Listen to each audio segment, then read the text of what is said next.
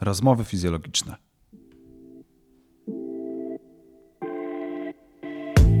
Zapraszam Cię do mojego autorskiego podcastu Rozmowy fizjologiczne. Wraz z moimi gośćmi poruszam w nim przede wszystkim tematykę fizjoterapii, ortopedii i inne ciekawe aspekty związane z szeroko pojętą medycyną. Ekspercka wiedza, przystępny sposób. Zapraszam, Piotr Piaskowski.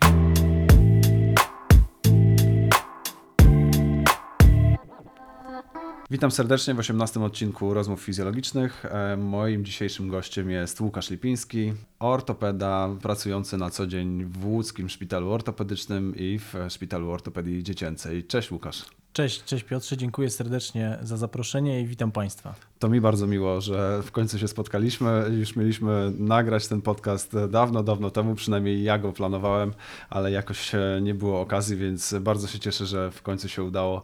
Drugi raz w tym tygodniu jestem już w Łodzi. Ostatni podcast z Twoim kolegą Adamem Kwapiszem. Tak, słuchałem, bardzo fajnie wyszło. Pozdrawiamy Adam. Pozdrawiamy Adam. Tak? Zawsze pozdrawiamy tych, o których rozmawiamy w podcaście, także, e, także i tym razem. Dzisiaj chciałbym z Tobą, Łukasz, porozmawiać o bardzo, bardzo fajnym temacie, o stawie rzepkowo-udowym, o problemach i funkcjonalnych, i strukturalnych stawu rzepkowo-udowego i na tym skupimy dzisiejszy podcast, e, bo wiem, że jesteś specjalistą od tego tematu, bardzo mocno się tym interesujesz. Specjalistą za dużo powiedziane, e, zdecydowanie bardzo się tym interesuję. Temat jest przeokropnie skomplikowany według mnie i solidnie niedoceniany, natomiast e, na szczęście wiedza w tym kierunku jest coraz większa i też nasze doświadczenie, jeśli chodzi o leczenie e, naszych pacjentów, jest coraz, coraz większe, w związku z czym te wyniki też są coraz lepsze. Ja też myślę, że, że staw rzepkowo-udowy to bardzo fajny temat, ale zdecydowanie trudny. E, nie tylko dla Was jako ortopedów, ale również dla nas fizjoterapeutów. E, I zaczniemy z grubej rury, czyli od zwichnięcia stawu rzepkowo-udowego. Pierwsze pytanie, jak postępujesz z pacjentem po świeżym zwichnięciu stawu rzepkowo-udowego? Pytam pod tym kątem, że ci pacjenci po zwichnięciach czasem zjawiają się bezpośrednio u nas fizjoterapeutów i warto byłoby wiedzieć, co z tym robić i e, jak pokierować pacjenta. To prawda, pierwszorazowe zwichnięcie e, jest trudnym tematem. Tutaj, jeśli chodzi o rozpatrywanie takie czysto pourazowe, to ono nie różni się znacząco od tego, co, co wykonujemy u naszych pacjentów po innych urazach kolana. Czyli jest to typowy RICE albo PRICE, e, w zależności od tego, jak ten pacjent wygląda. Zwykle towarzyszy takiemu zwichnięciu dość duży obrzęk stawu kolanowego. Same dolegliwości bólowe, jeśli to jest pacjent wysokodysplastyczny, one najczęściej nie są bardzo duże, natomiast jeśli jest to pacjent, którego anatomia jest zbliżona do normalnej, jeśli w ogóle można tak powiedzieć, to najczęściej pacjent prezentuje dość duże dolegliwości bólowe, więc tutaj praca e, zwykle jest dość ograniczona, ale oczywiście skupiamy się na tych podstawowych e, zasadach, czyli ograniczeniu obrzęku, zmniejszeniu dolegliwości bólowych. I tutaj całe pole do popisu jest oczywiście przed Wami fizjoterapeutami, bo z naszego punktu widzenia czysto lekarskiego zastosowanie leków e, przeciwbólowych, niekoniecznie przeciwzapalnych, e, jest tak na dobrą sprawę pierwszego rzutu leczeniem. Unieruchomienie stosujecie? Temat trudny. Ja stosuję unieruchomienie, ale jest to głównie orteza, natomiast jest to. Na jak długi czas?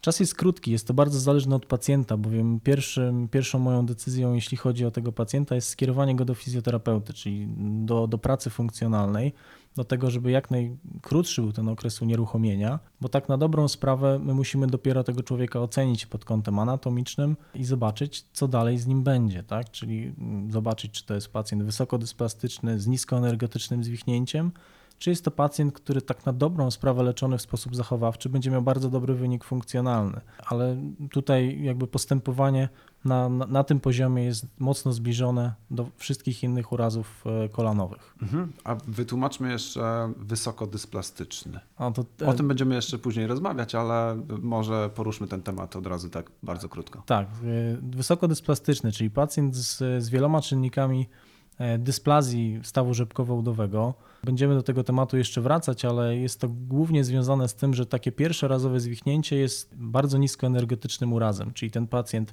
albo wstaje z lekkiego zgięcia podczas siedzenia, albo na przykład podczas takiego zwykłego twista, chcąc sięgnąć chociażby szklankę czy cokolwiek w domu, doznaje pierwszorazowego zwichnięcia rzepki. Jest to dość duży uraz. Pacjenci często definiują swoje odczucie jako zwichnięcie stawu, e, coś się przestawiło. W każdym bądź razie nie są do końca w stanie zdefiniować tego, co się stało. E, jeśli zobaczymy takiego pacjenta pierwszy raz, na, najczęściej na izbie przyjęć, rzadko kiedy w gabinecie, no to od razu możemy stwierdzić, co tam się stało.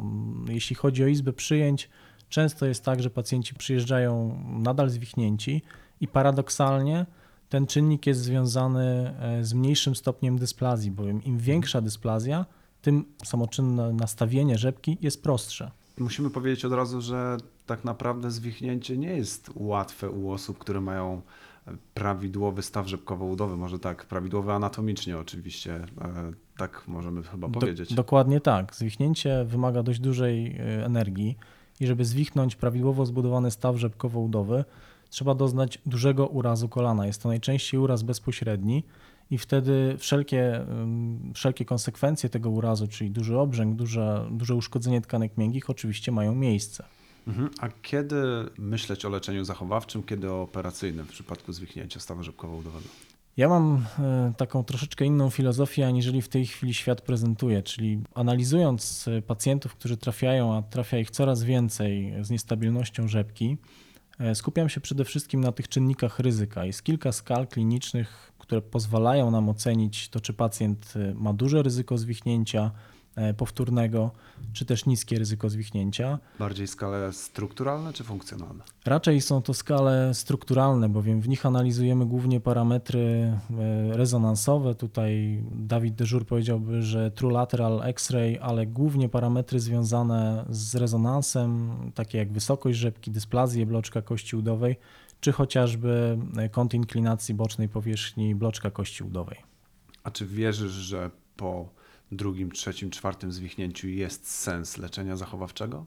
Bo ja mam wątpliwości, powiem szczerze, jeśli chodzi o fizjoterapię. Zdecydowanie nie, bowiem jeśli ten pacjent w ciągu krótkiego okresu czasu doznał drugiego i kolejnego zwichnięcia rzepki, to z dość dużą dozą prawdopodobieństwa możemy założyć, że e, dysplazja czy szeroko pojęte czynniki anatomiczne, które wpływają na to zwichnięcie, są na tyle zaburzone, że bez korekcji tych czynników nie hmm. będziemy mogli spodziewać się stabilizacji rzepki. Okej, okay, a jeśli mamy pacjenta po pierwszym zwichnięciu, widzimy i w rezonansie magnetycznym, i w rentgenie dysplazja dosyć, e, dosyć mocno nasilona, mamy naderwanie MPFL-a. Czy tutaj leczenie zachowawcze faktycznie też będzie miało sens według Ciebie?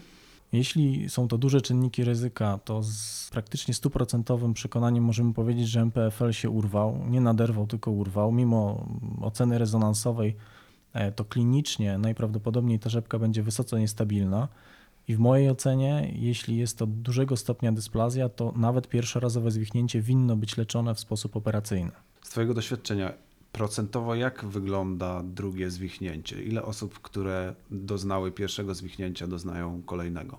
Mniej więcej. Tak, na dobrą sprawę jestem w stanie przytoczyć trzy osoby, które po pierwszorazowym zwichnięciu rzepki e, poszły na leczeniu zachowawczym w tym momencie. Jeśli chodzi o ilość pacjentów, mam ich dość dużo pod swoją opieką i jedna z tych osób to było drugie zwichnięcie po 15 latach od pierwszego zwichnięcia i jakby po przeanalizowaniu wszystkich czynników doszliśmy do wniosku, że to leczenie zachowawcze będzie lepsze dla tego pacjenta.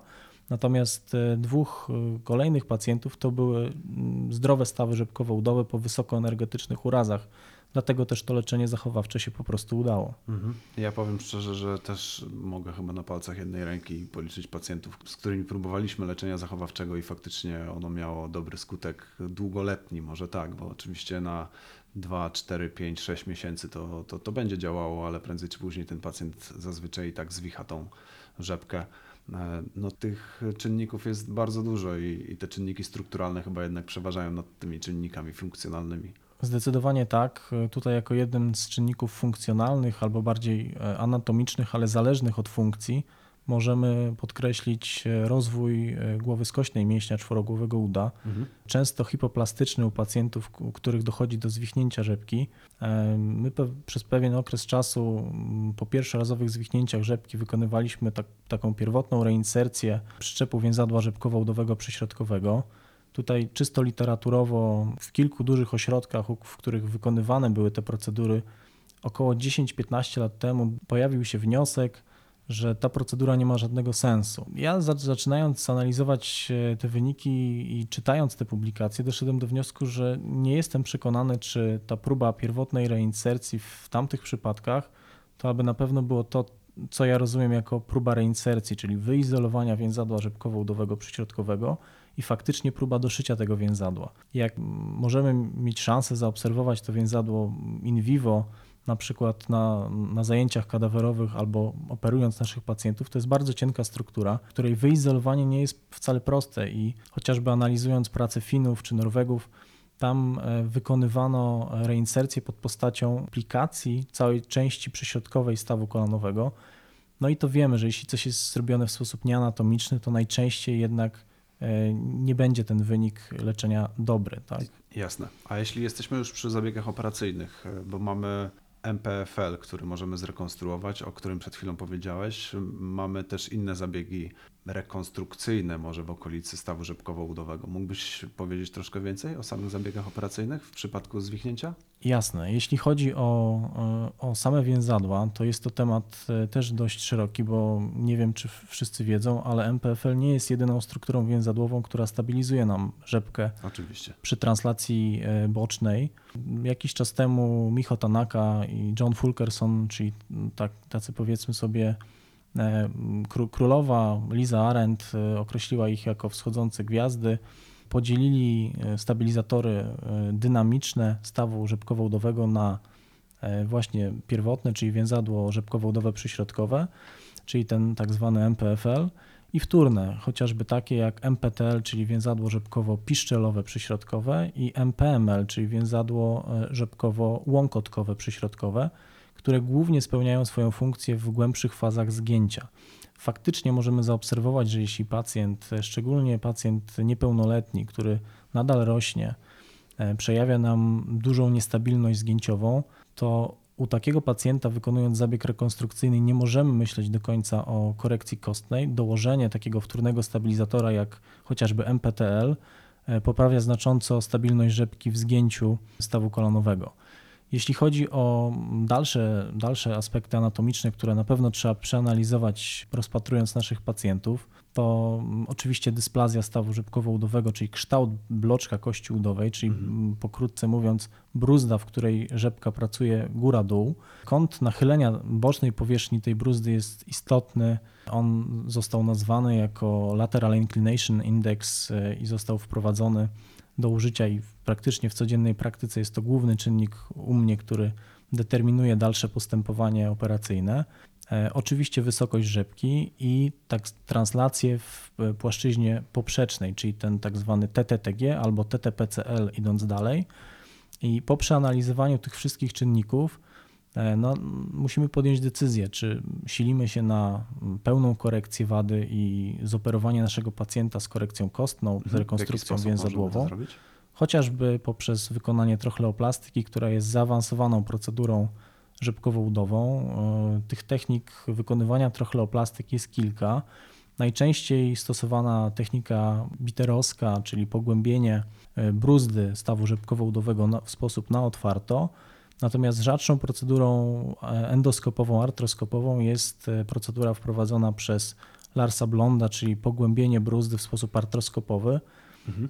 Do pewnego stopnia ona ma swoje ograniczenia, ale myślę, że ten temat jeszcze, jeszcze poruszymy. No właśnie, może od razu troszeczkę o tym opowiedzmy, bo ja widziałem ten zabieg wykonywany przez Larsa na kadawerach na Joint Preservation Congress i powiem szczerze, że on wygląda makabrycznie dosyć, jeśli chodzi o długość przede wszystkim e, samej operacji. Czy ktoś to w Polsce w ogóle wykonuje aktualnie? Czy raczej są to wszystko e, zabiegi na otwarto? Nie mam takiej wiedzy, że ktoś wykonuje to na w sposób endoskopowy, artroskopowy. Ja kilkukrotnie asystowałem Larsowi do tych procedur u niego w Kopenhadze i tutaj e, w Polsce. I faktycznie te zabiegi, jeśli się patrzy in vivo na, na operację, rzadko kiedy odbiegają od technik na otwarto, jeśli chodzi o czas operacji. Natomiast w moim mniemaniu tam jest jeden ważny czynnik, którego nie możemy skorygować, mhm. czyli wydłużenie troczków bocznych rzepki. Coś, okay. co jest składową procedury na otwarto, bez czego tak na dobrą sprawę nie możemy wykonać tego zabiegu. Jeśli ktoś widział kiedyś trochleoplastykę na otwarto, to wie, że wydłużenie troczków bocznych y, zwykle sięga około 10 mm. To jest bardzo dużo i to jest dla mnie jedyny mankament techniki endoskopowej. Mhm. Natomiast ujęcie endoskopowe y, trochleoplastyki przez Larsa Blonda czy Petera Balcarka, to, takiego guru stawu rzepkowo-udowego z Niemiec, jest bardzo fajne, jeśli chodzi o pacjentów z dolegliwościami bólowymi rzepki z przyparcia. Oni wykonują tę technikę, y, praca z tego roku, Petera Balcarka, y, w przypadkach dolegliwości bólowych stawu rzepkowo-udowego, niekoniecznie z istniejącą niestabilnością, natomiast traktują to jako deloading trochleoplastii. Ten koncept do mnie przemawia. Myśmy parokrotnie już e, takich pacjentów zakwalifikowali do tego typu leczenia e, z dobrym efektem. E, U tych pacjentów możemy do pewnego stopnia skorygować parametr TTTG, czyli lateralizację stawu rzepkowo-udowego, ale przede wszystkim wykonujemy procedurę odciążającą chrząstkę, czy rzepki, czy bruzdy, Jasne. czy bloczka kości udowej. A powiedziałeś o wydłużeniu troczka bocznego. Jest też procedura przecięcia troczka bocznego, albo była procedura, może ty powiesz, czy nadal jest, czy nie. Ale Czy to ma sens przede wszystkim i czy nadal się to wykonuje, albo czy nadal powinno się to wykonywać? Procedura jest, e, przez pewien okres czasu była wykonywana faktycznie i myślano, że to ma jakiś sens, jeśli chodzi o leczenie pacjentów z niestabilnością. No, było tego multum w Tak, gabinetach u e, nas. W tej chwili wiemy, że izolowane przecięcie troczków bocznych u pacjentów z niestabilnością nasila dyslokację, czyli wiemy, że ten troczek, e, jeśli ma być ruszany, on może zostać wydłużony, natomiast nie powinien zostać przecięty. Jest jedno izolowane wskazanie do tego, żeby przeciąć troczek boczny e, i jest to boczne przyparcie rzepki u pacjentów z zaburzonym tiltem rzepki. Ja wykonałem bodajże trzy takie zabiegi. Mhm. Tilt, czyli? tilt, czyli e, boczne pochylenie rzepki w stosunku do bloczka kości udowej. Są to faktycznie pacjenci zgłaszający dolegliwości bólowe przy ruchu po bocznej stronie rzepki, czyli można wykonując procedury fizjoterapeutyczne na tkankach miękkich e, do pewnego stopnia na tym pracować. Natomiast jeśli to jest e, długoletni problem i ten troczek jest zbliznowaciały, to faktycznie jego przecięcie daje dość dużą redukcję dolegliwości. Jasne. Czyli w przypadku na przykład zwichnięcia rzepki wielokrotnego, gdzie mamy praktycznie rozerwane wszystkie struktury stabilizujące od przyśrodka, przecięcie tego troczka od strony bocznej również no, będzie pewnie niekorzystne. Zdecydowanie tak. Mhm. Czyli zdestabilizuje całkowicie rzepkę. Tak. Okej, świetnie. Przejdźmy sobie w takim razie do drugiego tematu, czyli dysplazji stawu rzepkowo-udowego. Już częściowo go poruszyliśmy, ale chciałem zapytać przede wszystkim, czy dysplazja zawsze jest problemem? Strukturalnym na pewno, ale czy faktycznie zawsze warto się nią przejmować, jeśli widzimy ją w rentgenie czy w innych e, badaniach obrazowych? Nie do końca. Y, Są badania, które pokazują, że w populacji, która nigdy nie doznała zwichnięcia, do kilkudziesięciu procent nawet pacjentów prezentuje cechy dysplazji bloczka kości udowej. I to są pacjenci, u których jeśli nie, nie zwrócimy na to uwagi, to faktycznie tak na dobrą sprawę oni nigdy o tym się nie dowiedzą. Było takie badanie, które oceniało bloczek kości udowej u pacjentów przy uszkodzonym ACL-u.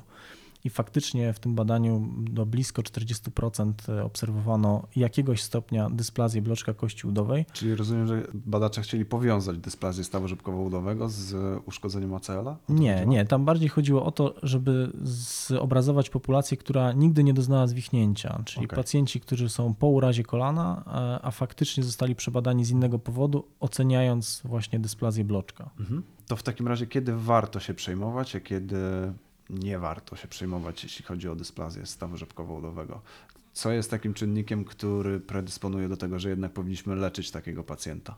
No, zdecydowanie zwichnięcie. Tutaj jakby sytuacja jest jasna. Jeśli pacjent doznał zwichnięcia stawu rzepkowo-udowego i jest to zwichnięcie kilkukrotne e, i tak na dobrą sprawę przeanalizowaliśmy czynniki anatomiczne i wiemy, że ta dysplazja jest nasilona w stopniu B, C bądź też D e, według klasyfikacji Deżura, no to nie mamy wątpliwości, wymaga to korekcji. Problemem jest ta grupa pacjentów, u których y, nie doszło do tak, tak zwanego pierwszego zwichnięcia rzepki, ale mają epizody podwichnięć. I to jest spora grupa pacjentów, która często trafia do mnie do gabinetu, u których y, chociażby taki test J-Sign jest dodatni, ale jeśli pytamy ich o zwichnięcie, to oni nigdy takiego zwichnięcia nie doznali. Y, Badając ich, my wiemy, że to, co oni opowiadają, to, co oni prezentują nam podczas tego badania i mówią, jakie mają objawy, Są to konsekwencje podwichnięć rzepki w trakcie ruchu. I teraz e, zasadniczym pytaniem jest, co z tymi ludźmi, tak? Jak ich leczyć? Temat jest otwarty. Ja prowadzę dość dużą grupę takich pacjentów. E, w większości przypadków decydujemy się na leczenie e, operacyjne, bowiem to są osoby, które niejednokrotnie trafiają od kilku ortopedów od drzwi do drzwi i słyszą, że u nich jest wszystko w porządku, nic im się nie dzieje, mhm. nigdy, nie byli, nigdy nie doznali zwichnięcia, no ale mają dolegliwości bólowe. Rekordzistka odbyła bodajże 15 konsultacji, e, zanim trafiła i doszliśmy do, do wniosku, że faktycznie jej problemem jest dysplazja plus podwichnięcie się rzepki i rekonstrukcja, izolowana rekonstrukcja z więzadła rzepkowo-udowego przyśrodkowego skończyła problem podwichnięć.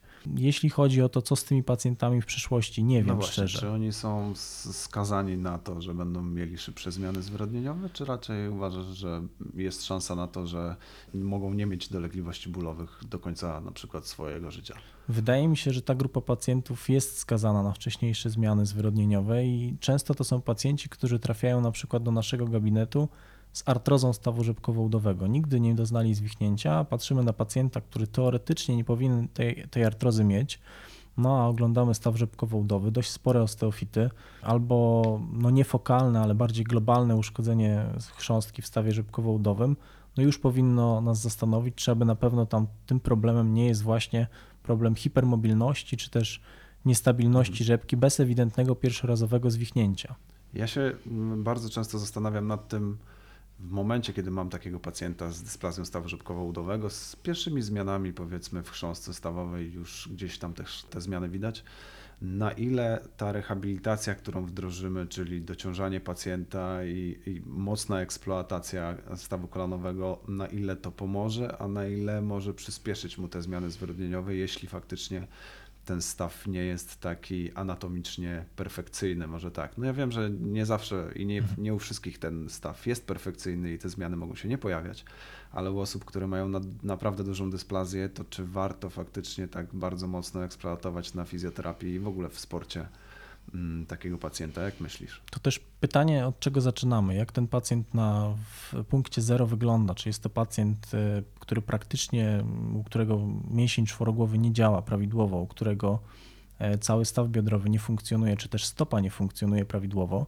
Bo z takim pacjentem zdecydowanie warto pracować. Natomiast jeśli jest to osoba, która ma wydolny mięsień czworogłowy, e, z dobrze, dobrze działającymi wtórnymi strukturami mięśniowymi, no to wydaje mi się, że dociążanie takiego pacjenta może niestety, ale przyspieszyć jego problem. Okej, okay. jeśli chodzi o metody operacyjne, no to wstępnie powiedzieliśmy sobie o trochleoplastyce. Czy mamy tu jeszcze jakieś inne rozwiązania, jeśli chodzi o dysplazję? Mm, jeśli chodzi o dysplazję, to tak na dobrą sprawę korekcja bloczka kości udowej to jest w tej chwili głównie trochleoplastyka, natomiast jeśli chodzi o normalizację wtórnych parametrów, czyli tego TTTG, TTPCL, mhm. czy też wysokości rzepki, to faktycznie mamy jeszcze coś w swoim zanadrzu, czyli możemy wykonać najczęściej osteotomię guzowatości kości piszczelowej. Czyli Fulkerson. Czyli tak zwany Fulkerson. Tutaj y, jest kilka modyfikacji albo e, raczej Fulkerson doszedł do wniosku, że te wcześniejsze zabiegi medializacji czy też anterioryzacji guzowatości kości piszczelowej nie do końca spełniały swoją funkcję i na podstawie swoich doświadczeń zanteromedializował guzowatość, czyli wysunął ją do, do przyśrodka pokrótce E, odciążając e, chrząstkę e, rzepki, normalizując parametry anatomiczne, tak na dobrą sprawę, mhm. czyli TTTG, TTPCL. Czyli jest to już operacja, która wprowadza zmianę nieanatomiczną, może tak powiedzmy, czy nie? E, to jest bardzo trudne pytanie, bowiem mm, pytanie, czy staw rzepkowo-udowy, który jest bolesny i się zwicha, jest anatomicznie zbudowany. No tak, Jeśli chodzi o, o, normalizację tych parametrów, to zdecydowanie raczej dążymy do tego, żeby mm, znormalizować e, TTTG czy TTPCL, aczkolwiek w tej chwili publikacji i trend światowy jest taki, żeby zaniżać stopień dysplazji, w którym zaczynamy myśleć o trochleoplastyce, a nie e, rozważać TTTG czy TTPCL, bowiem TTPCL często mierzone u pacjentów dysplastycznych jest prawidłowe. Okej, okay, jeśli mamy już e, dysplazję stawu rzepkowo-udowego, mamy pierwsze zmiany chrzęstne, to nasuwa mi się pytanie o chondromalację. Czy takie wstępne zmiany zwyrodnieniowe i chondromalacja to to samo? Nie do końca. Chondromalacja to jest tak na dobrą sprawę temat, temat tabu u nas. My wiemy, że występuje coś takiego jak chondromalacja, ale zwykle nie jesteśmy w stanie zidentyfikować konkretnej przyczyny, dla której coś takiego się dzieje. Jeśli to jest pacjent, u którego faktycznie dochodzi do zwichnięć, no to wiemy, co jest podłożem, wiemy, jak to leczyć, ale zdarza zdarzają się pacjenci, u których chondromalacja e, nie jest efektem zwichnięcia, być może właśnie podwichnięć, to też jest e, warte uwagi ale e, zmiany zwyrodnieniowe są raczej wtórnym następstwem chondromalacji i tym, co pojawia się x lat do przodu po, po wcześniejszej e, chondromalacji mhm. i też zupełnie inaczej e, powinny być leczone, bowiem chondromalacja, ja mam dobre doświadczenie u pacjentów, u których nawet artroskopowo stwierdziliśmy chondromalację stawu rzepkowo-udowego. Jak określiłbyś, co to jest chondromalacja w takim razie? Bo mamy te wszystkie takie książkowe tak. reguły i, i, informacje, co to jest chondromalacja, ale tak naprawdę bardzo wielu pacjentów i bardzo wielu fizjoterapeutów po prostu myli zmiany zwyrodnieniowe z chondromalacją. No zdecydowanie. Chondromalacja, czyli takie rozmiękanie, z, z ubożenie troszeczkę jakości tej chrząstki w sposób artroskopowy jakby do sprawdzenia poprzez taki, taką sytuację, w której haczyk endoskopowy niejako wpada nam w chrząstkę, ona jest miękka, bardziej pulchna, bardziej podatna na nasze działanie, a nie typowo szklista, twarda, e, taka, która w żaden sposób nie poddaje się naszemu działaniu, więc tutaj rozgraniczenie ze zmianami zwyrodnieniowymi jest dość, e, wydaje mi się, proste, jeśli patrzymy od środka stawu. Natomiast badając tego pacjenta, uważam, że jest to bardzo trudne. A czy chondromalacja zawsze jest patologią, czy może być zwykłym procesem naturalnym starzenia się organizmu?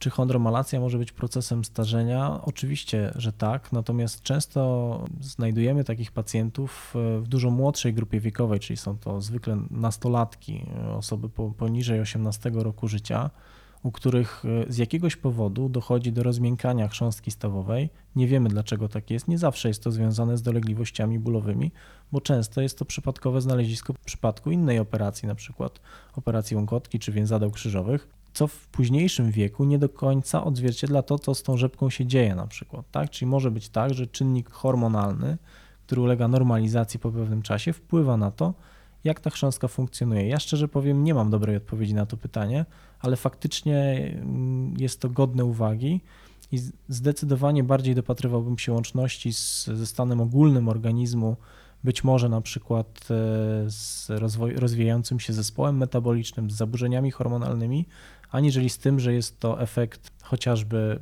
niestabilności. Tak? Oglądasz bardzo dużo zdjęć obrazowych, czy to są rezonansy, czy to są rentgeny, czy to są tomografy komputerowe. My w rezonansach bardzo często czytamy w opisach rezonansów jako fizjoterapeuci o chondromalacji.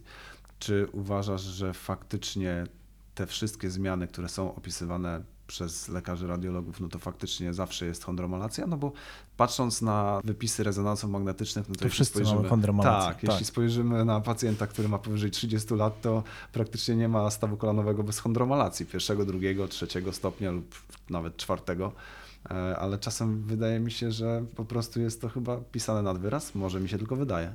Tak mi się też wydaje, że, że faktycznie wpisanie pacjentowi mm, hasła pod tytułem chondromalacja stawu rzepkowo-udowego albo chondromalacja rzepki niejako kończy temat, e, dlaczego ten pacjent może zgłaszać dolegliwości bólowe rzepki.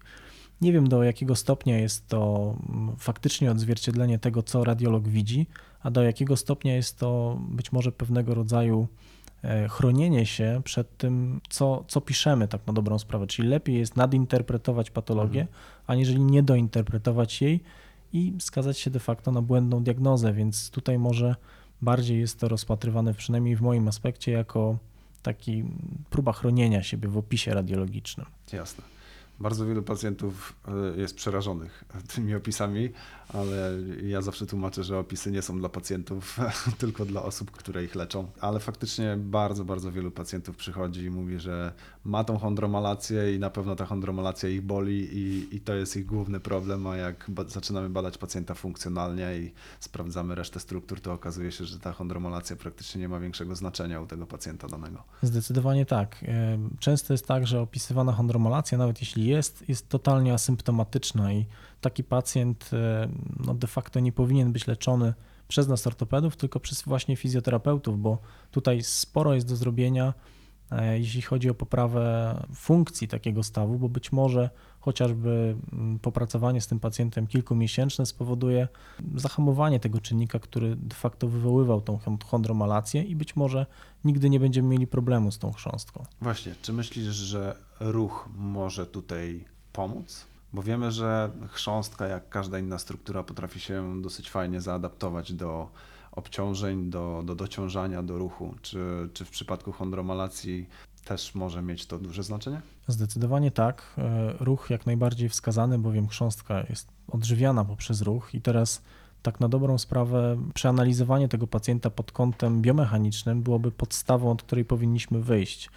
Więc e, zdecydowanie jestem za tym, że ruch w większości przypadków byłby e, wskazany dla takiego pacjenta. Dobrze, jeśli chodzi o chondromalację, to myślę, że dosyć fajnie wyczerpaliśmy temat. E, możemy sobie przejść do zaawansowanych zmian zwyrodnieniowych. Jakie aktualnie mamy metody leczenia chrząstki stawu rzepkowo-udowego? No tutaj zdecydowanie trzeba roz, rozgraniczyć naszych pacjentów pod, e, pod takim kątem, czy to uszkodzenie chrzęstne jest uszkodzeniem e, lokalnym, czyli na przykład jest to fokalne uszkodzenie chrzęstne, w wyniku urazu albo w wyniku zwichnięcia, albo jest to uszkodzenie globalne, którym zajęty jest cały staw rzepkowo-udowy. I tutaj ja dość twardo stąpam po ziemi i też na ten moment nie widzę żadnej szansy leczenia oszczędzającego dla globalnych zmian stawu rzepkowo-udowego, czyli chociażby przeszczepu chrząstki stawowej, e, bowiem nie korygujemy czynnika, dzięki któremu to albo przez który to się zadziało, tylko tak na dobrą sprawę próbujemy leczyć efekt. Mhm, no dobrze, skutek nie przyczyna. Tak jest i dobrze wiemy, że to się najpewniej nie uda, mimo tego, że zastosujemy najbardziej zaawansowaną technikę rekonstrukcyjną chrząstki, no to bez skorygowania czynnika, przez który to się pojawiło, nie pomożemy tym pacjentom. Co w takim przypadku, jeśli te zmiany za, zwyrodnieniowe są naprawdę mocno zaawansowane i są globalne, nie są takie sfokusowane w jednym miejscu?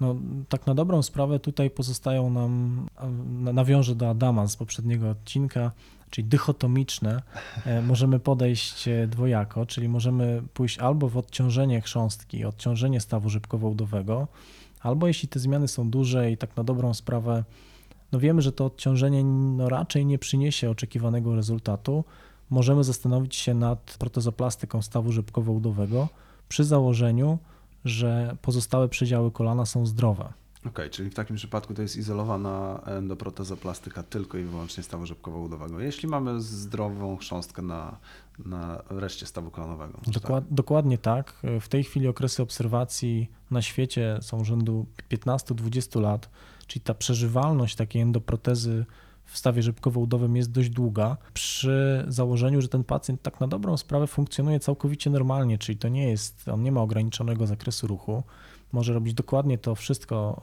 co robił wcześniej, przy założeniu, że skorygowaliśmy, to jeszcze raz podkreślam, cały problem, czyli jeśli ten pacjent nabawił się artrozy w wyniku wielokrotnych zwichnięć, to założenie endoprotezy nie skoryguje problemu niestabilności rzepki. Tutaj no, wielokrotnie podkreślane właśnie, nie że naprawi przyczyny, dokładnie absolutnie. tak. To się chyba dosyć rzadko zdarza, prawda? Ja powiem szczerze, że chyba przez 11 lat ani razu nie miałem pacjenta z izolowaną endoprotezą stawu rzepkowo-udowego. Albo może jednego.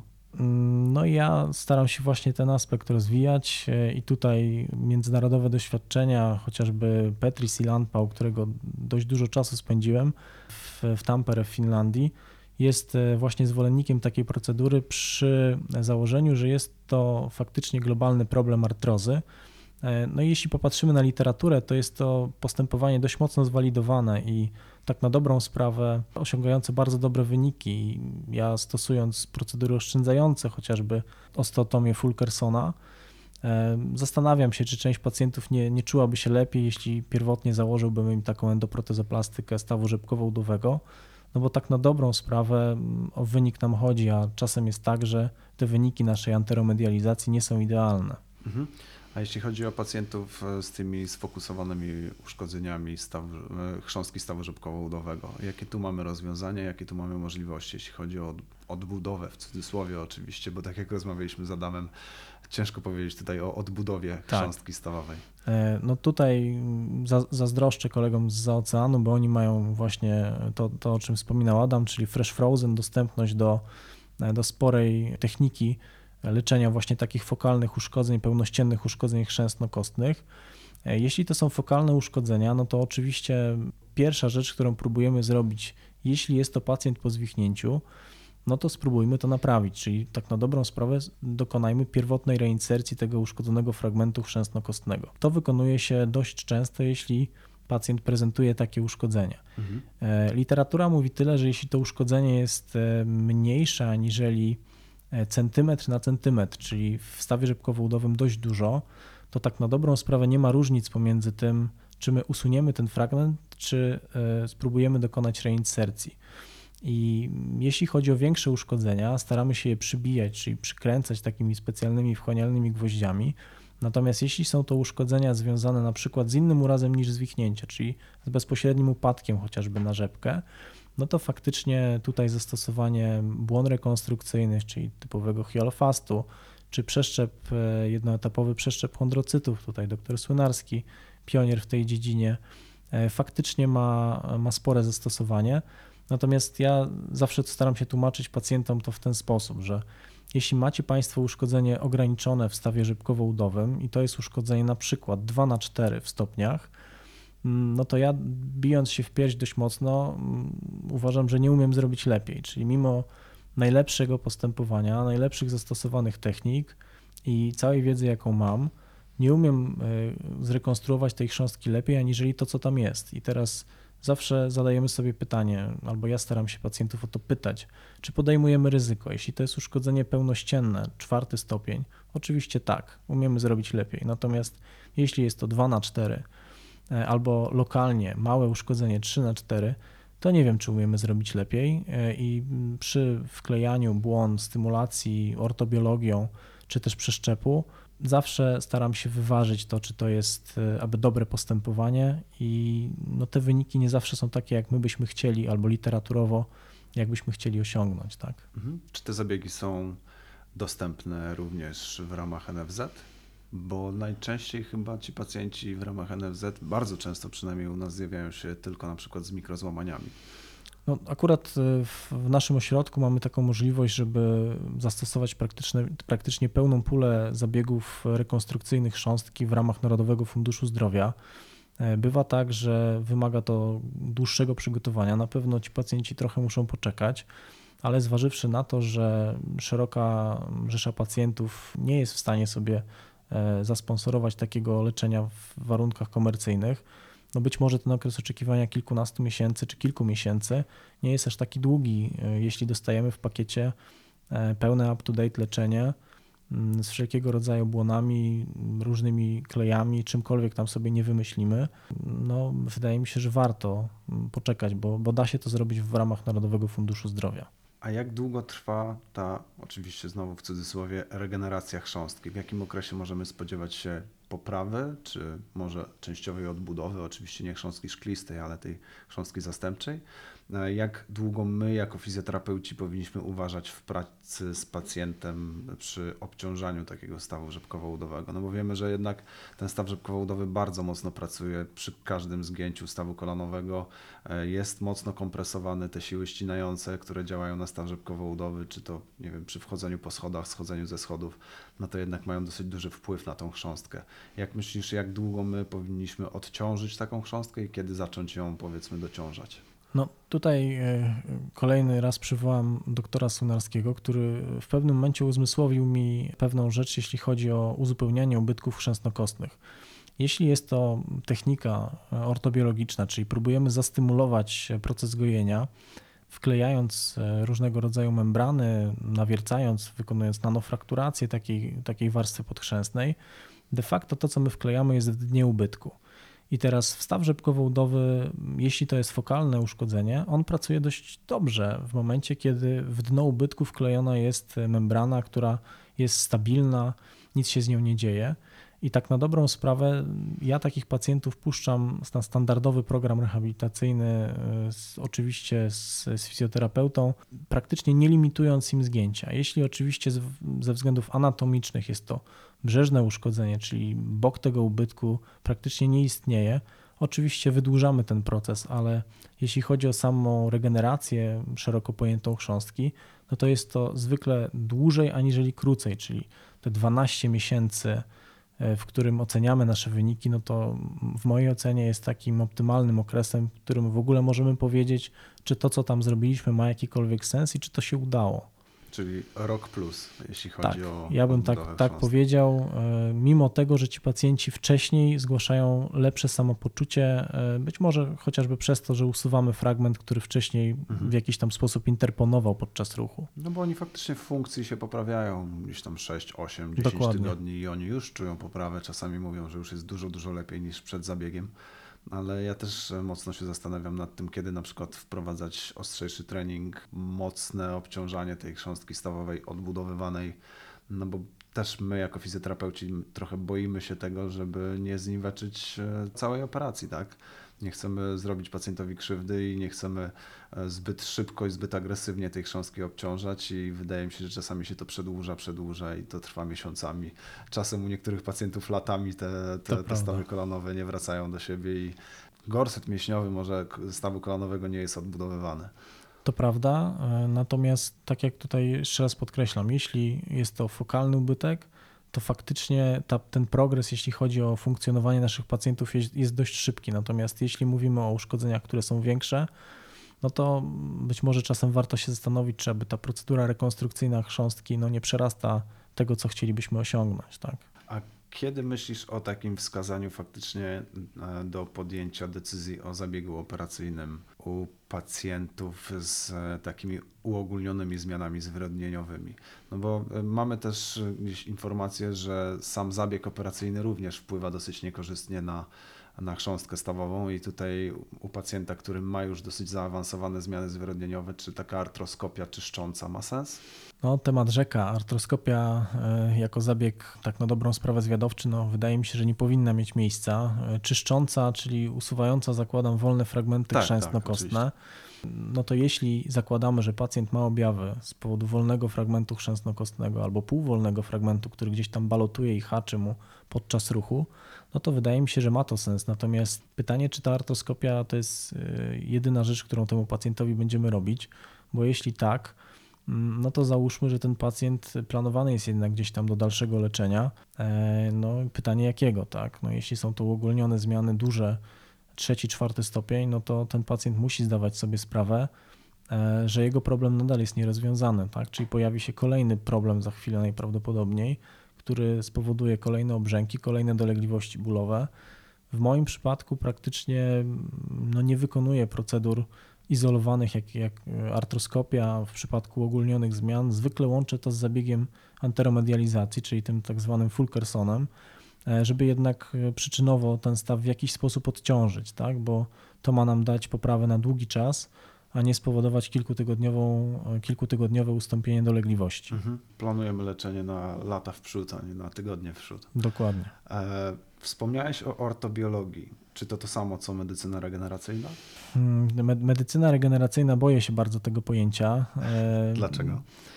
Bowiem jest to na, na ten moment, według mnie przynajmniej, nieukonstytuowane, czyli my nie wiemy, co robimy, co podajemy, nie, to nie jest skwantyfikowane. Wychodząc chociażby od prostego osocza bogatopłytkowego, wiemy, co on robi, wiemy, co tam się dzieje, aczkolwiek nazywanie tego regeneracją wydaje mi się na wyrost. I tutaj y, szczerość z pacjentami powinna być faktycznie w momencie kwalifikacji do takiego leczenia dość duża, czyli powinniśmy e, jasno określić, co możemy zrobić, a co, czego nie możemy zrobić, pod- podając jakikolwiek zastrzyk e, z portfolio pod tytułem ortobiologia i Mhm. E, Oczywiście podając osocze obniżamy parametry zapalne, wykonujemy chcąc nie chcąc laważ stawu, czyli przepłukujemy ten staw i tak na dobrą sprawę ten pacjent do kilkunastu miesięcy, czasem nawet do dwóch lat po, takim, po takiej serii zastrzyków z osoczem może mieć poprawę. Natomiast no nie nazywajmy tego regeneracją. Na ten moment nikt tego nie udowodnił.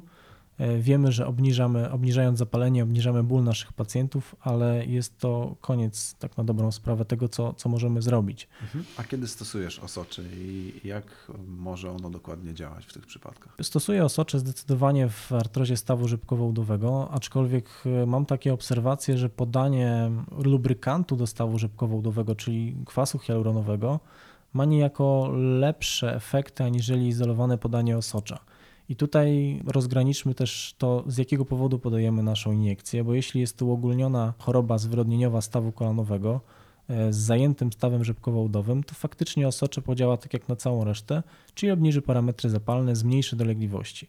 Natomiast jeśli mamy pacjenta, który ma typowe dolegliwości ze strony stawu rzepkowo-udowego, ból podczas dłuższego siedzenia przy zgiętym kolanie, ból podczas schodzenia po schodach, tak, to ja mam obserwację, że lepszym wyjściem jest podanie kwasu hialuronowego aniżeli osocza. A zauważyłeś w przypadku kwasu hialuronowego jakieś większe skutki uboczne? Niektórzy pacjenci zgłaszają, przynajmniej u nas na zabiegach fizjoterapeutycznych, czasem nawet pogorszenie po kwasie hialuronowym. Ale zastanawiam się właśnie, czy to jest bardziej podejście psychologiczne pacjenta do tego kwasu, czy faktycznie może to mieć takie dosyć duże prozapalne również. Mm. Wyszedłbym działania. od bazy. Wyszedłbym od bazy, czyli od tego, co robimy. Jeśli podajemy iniekcję do stawu kolanowego, to tak na dobrą sprawę podana poprawnie technicznie iniekcja nie powinna wywołać e, reakcji zapalnej. Natomiast jeśli podajemy kwas hialuronowy i nastrzykniemy błonę maziową, która jak wiemy jest wszechobecna w kolanie, no to nie spodziewajmy się niczego innego jak rozlanego procesu zapalnego. I teraz jeśli ten pacjent trafia do fizjoterapeuty po iniekcji z kwasu hialuronowego z nabuchanym jak bania kolanem, no to faktycznie trzeba wdrożyć leczenie przeciwzapalne, no bo to jest nic innego jak reakcja na podanie tego kwasu. Przynajmniej ja to tak odbieram. Mhm. Czyli kwas hialuronowy również pod USG? Czy mm. nie jest to tak 100%? Nie zawsze. Ja zdecydowanie większość iniekcji wykonuję bez USG, natomiast y, z dość dużą dbałością o technikę podania i to, co pacjent zgłasza podczas samego podania, bowiem jeśli on zgłasza dolegliwości bólowe, no to nie kontynuuję. Zmieniam kierunek igły, zmieniam miejsce wkucia. Natomiast y, no, staram się nie, nie przekonywać pacjenta, że to, że on czuje ból podczas iniekcji, to jest dobre. Mhm. Bo on nie powinien czuć tego bólu. Może czuć rozpieranie, ale no nie powinien czuć dolegliwości bólowych takich, że skacze w sufit. Tak? Mhm. A łączenie kwasu hialuronowego z osoczem bogatopłytkowym? Robi się to?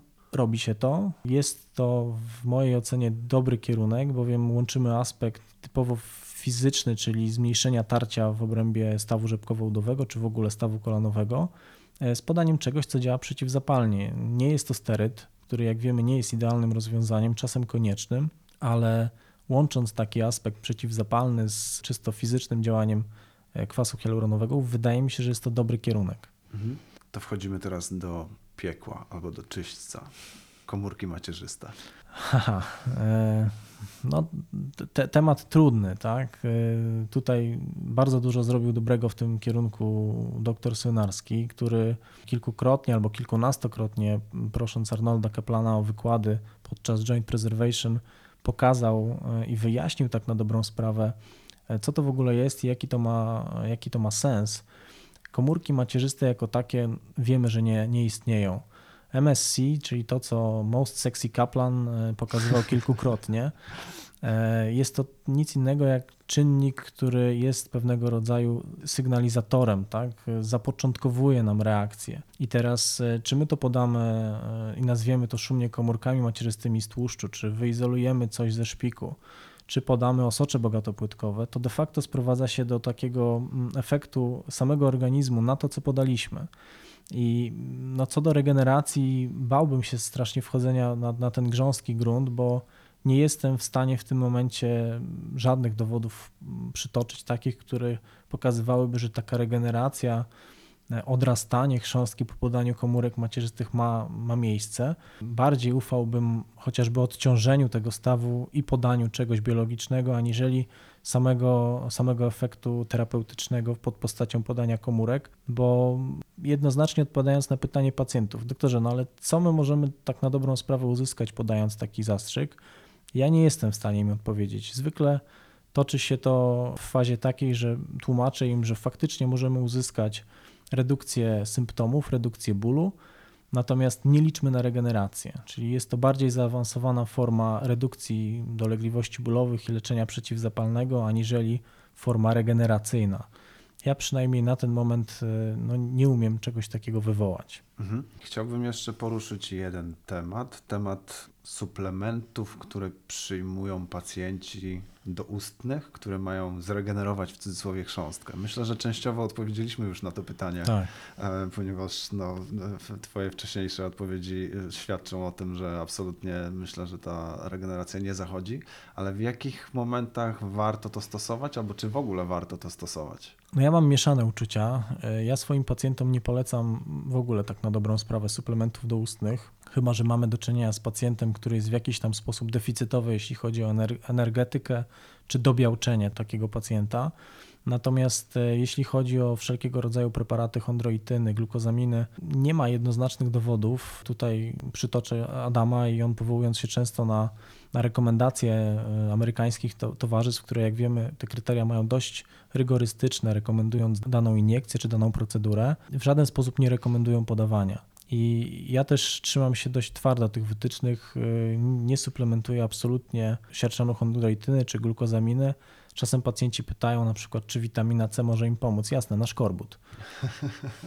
Czyli raczej stąpamy twardo po ziemi, szukamy dowodów naukowych, a tych dowodów do końca nie ma, jeśli chodzi o te suplementy. Zdecydowanie tak. No tutaj podając cokolwiek doustnie wiemy dobrze, że efekt placebo jest przeogromny i teraz jeśli pacjent e, wierzy w to, że to pomoże, to być może w dużym aspekcie faktycznie pomoże, ale nie łączmy tego z podaniem doustnym suplementów, bowiem na tą chwilę nie mamy żadnej informacji, że to może działać. To poobalajmy mity i fakty jeszcze. E, Dieta, czy ma jakikolwiek wpływ na chrząstkę stawową? Czy ma wpływ na chrząstkę? Nie wiem, natomiast wiem, że ma wpływ na uogólniony stan zapalny jako reakcję na to, co spożywamy. I tutaj bardzo fajne badania pojawiają się na przykład z Indii, w których e, stosowanie kurkuminy u pacjentów z artrozą stawu kolanowego jest stosowane. E, Ja przyznam szczerze, że często zdarza mi się polecać pacjentom kurkuminę do stosowania w formie tabletek jako uzupełnienie leczenia przeciwzapalnego. Jest to zwykle stosowane długofalowo u pacjentów ze stabilną chorobą zwyrodnieniową, u których ta redukcja samego zapalenia w obrębie stawu, czy ogólnie w obrębie e, całego organizmu może wpłynąć pozytywnie na ich funkcjonowanie. Mhm, świetnie. Chciałbym jeszcze zapytać o dosyć trudny temat dla nas, fizjoterapeutów, myślę, że dla Was, ortopedów też, czyli patellofemoral pain syndrom. Może nie będziemy tego jakoś bardzo mocno i bardzo szeroko rozwijać, ale myślę, że warto jeszcze zahaczyć o to. Czy myślisz, że to problem tylko i wyłącznie funkcji i struktury pacjenta? Bo bardzo często gdzieś tam ci pacjenci z patellofemoral pain syndrom wydaje mi się, że są dosyć specyficzni, może tak. To są pacjenci, którzy są gdzieś tam obciążeni dodatkowo mocno introwertyzmem, bardzo Mhm. często innymi problemami, które może mogą nasilać takie dolegliwości? Nie wiem, to pytanie ode mnie. Zdecydowanie tak. Faktycznie profil pacjenta w ogóle z problemem stawu rzepko, rzepkowo-udowego jest dość specyficzny i tutaj prowadzę w tej chwili takie badania z psychologami. Staramy się mm, stworzyć profil takiego pacjenta, analizując e, czynniki psychologiczne. Natomiast wracając do patellofemoral pain, no nie jest to czysto funkcjonalny problem, ale faktycznie wydaje mi się, że on się od tego zaczyna. I tutaj wychodząc od anatomii, jeśli analizujemy takiego pacjenta i tak na dobrą sprawę nie, nie znajdujemy żadnych problemów anatomicznych, no to przeanalizujmy funkcję. I teraz analizując funkcję, zwykle okazuje się, że ten problem jednak gdzieś istnieje, chociażby w biodrze, w stopie czy w kręgosłupie. I tutaj to jest pole do popisu dla fizjoterapeutów, bo wydaje mi się, że w tym początkowym okresie jest to całkowicie do wyprowadzenia w sposób mało inwazyjny. E, Wiadomym jest, że skrajne formy patellofemoral pain e, kończą się zwykle leczeniem zabiegowym i czy jest to jakaś, jakiegoś rodzaju interwencja w obrębie samego więzadła, czy jest to chociażby nastrzyknięcie tego e, czynnikami wzrostowymi, no to umówmy się, że my tak na dobrą sprawę leczymy objaw, a nie przyczynę tego problemu. I no naj, najdłużej leczony pacjent e, z tym problemem, którego mogę przytoczyć, e, trwało to 3 lata. Finalnie skończyło się to leczeniem zabiegowym z e, następującym po tym również leczeniem ortobiologicznym. Natomiast po trzech latach uzyskaliśmy całkowite ustąpienie dolegliwości bólowych. Pacjent był przeanalizowany tak na dobrą sprawę, był w, ca- był w całej Polsce, jeździł wszędzie, Mhm.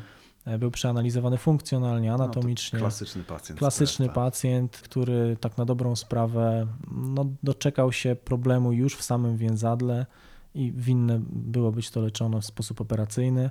bowiem nie uzyskiwaliśmy poprawy już żadnymi innymi środkami, tak więc zdecydowanie zgadzam się z tym, że tu więcej ma do powiedzenia fizjoterapeuta, aniżeli my jako ortopedzi.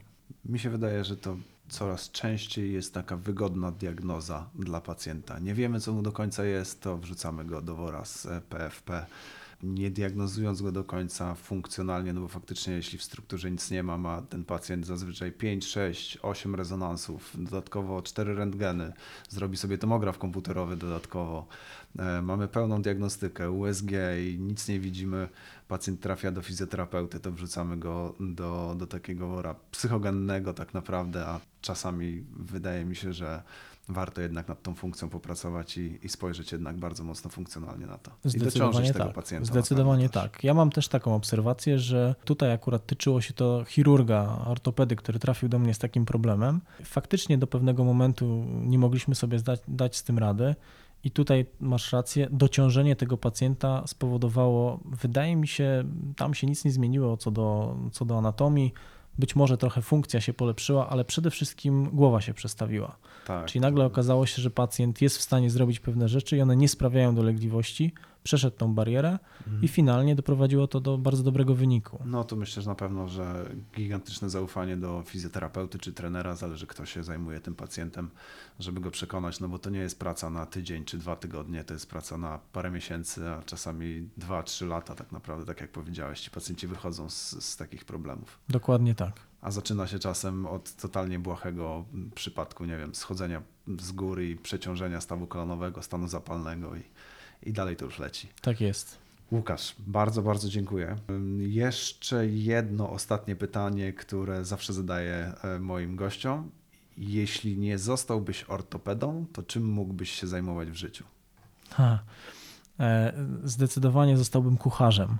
Uwielbiam gotować, e, uwielbiam godzinami rozmawiać o gotowaniu, uwielbiam godzinami rozmawiać o towarzyszącej kulturze wina w związku z czym zdecydowanie zostałbym kucharzem. Pewnie byłoby to z niekorzyścią dla mojej wagi, aczkolwiek e, no, zdecydowanie poszedłbym w tą stronę.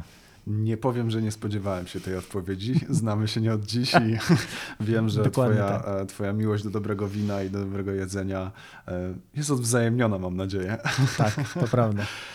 Świetnie. Bardzo, bardzo Ci dziękuję za ten e, wywiad, może tak to nazwijmy, e, za to przepytywanie, bo wiem, że te pytania e, czasami nie są łatwe dla ortopedów, no bo ortopedzi i fizjoterapeuci my bardzo podobnie myślimy, tak mi się wydaje. Im bardziej tych ortopedów poznaję i poznajemy my jako fizjoterapeuci, to okazuje się, że mówimy absolutnie jednym językiem i nie ma tego dysonansu między nami, albo jest on coraz mniejszy i Mam nadzieję, że ta współpraca nasza ortopedów i fizjoterapeutów będzie się układała tak, jak układała się nasza i układa się nasza, bo Dokładnie też mamy tak. wspólnych pacjentów i wymieniamy sobie tych pacjentów między fizjoterapią a ortopedią. Tak jest. Dziękuję serdecznie za zaproszenie i mam nadzieję, e, że z korzyścią e, wysłuchaliście Państwo tego podcastu. Absolutnie. To były bardzo, bardzo ciekawe odpowiedzi. Dzisiaj to wszystko. E, wszystkie pytania, które chciałem Ci zadać e, na temat stawu rzepkowo-udowego już padły, także bardzo dziękujemy. E, to był 18 odcinek podcastu Rozmowy Fizjologiczne i zapraszam na następne odcinki wkrótce. Dzięki wielkie. Dziękujemy. To już koniec dzisiejszych rozmów fizjologicznych. Jeśli podoba Ci się mój podcast i chcesz wspierać jego rozwój, pamiętaj o przycisku subskrybuj w kanale podcastowym, a także śledź moje poczynania na bieżąco na Facebooku, Instagramie oraz blogu fizjologika.pl. Koniecznie zajrzyj również na platformę Fizjologika Store, do której link umieściłem w opisie tego podcastu. Znajdziesz na niej webinary oraz szkolenia online dotyczące fizjoterapii ortopedycznej. Bardzo doceniam, że słuchasz mnie na bieżąco, dlatego specjalnie dla Ciebie przygotowałem kod rabatowy o nazwie Rozmowy Fizjologiczne. Możesz go wykorzystać na wszystkie produkty w moim sklepie. Do usłyszenia wkrótce w kolejnym odcinku.